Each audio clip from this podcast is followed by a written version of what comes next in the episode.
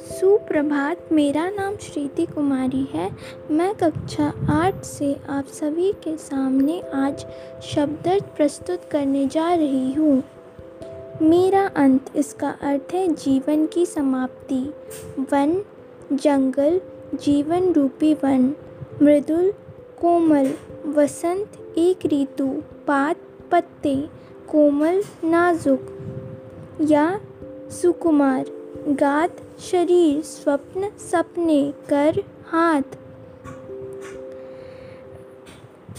प्रत्युष प्रातः काल या आशा। मनोहर, सुंदर। ये थे कुछ शब्दार्थ। आगे के हम शब्दार्थ कुछ ऐसे हैं।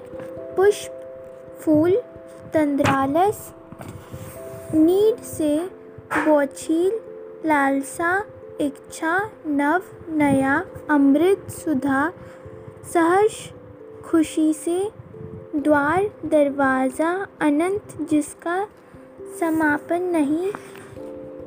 ये शब्दार्थ आपको पाठ एक ध्वनि जो अपने पाठ्य पुस्तक कक्षा आठ के वसंत में है उसमें के शब्द अर्थ हैं जो आपको कुछ मदद करेंगे। ये शब्द पाठ्य पुस्तक में नहीं है। आप इनको समझने की कोशिश कीजिए। इसलिए मैंने ये शब्द आप सभी के लिए बनाए हैं। धन्यवाद।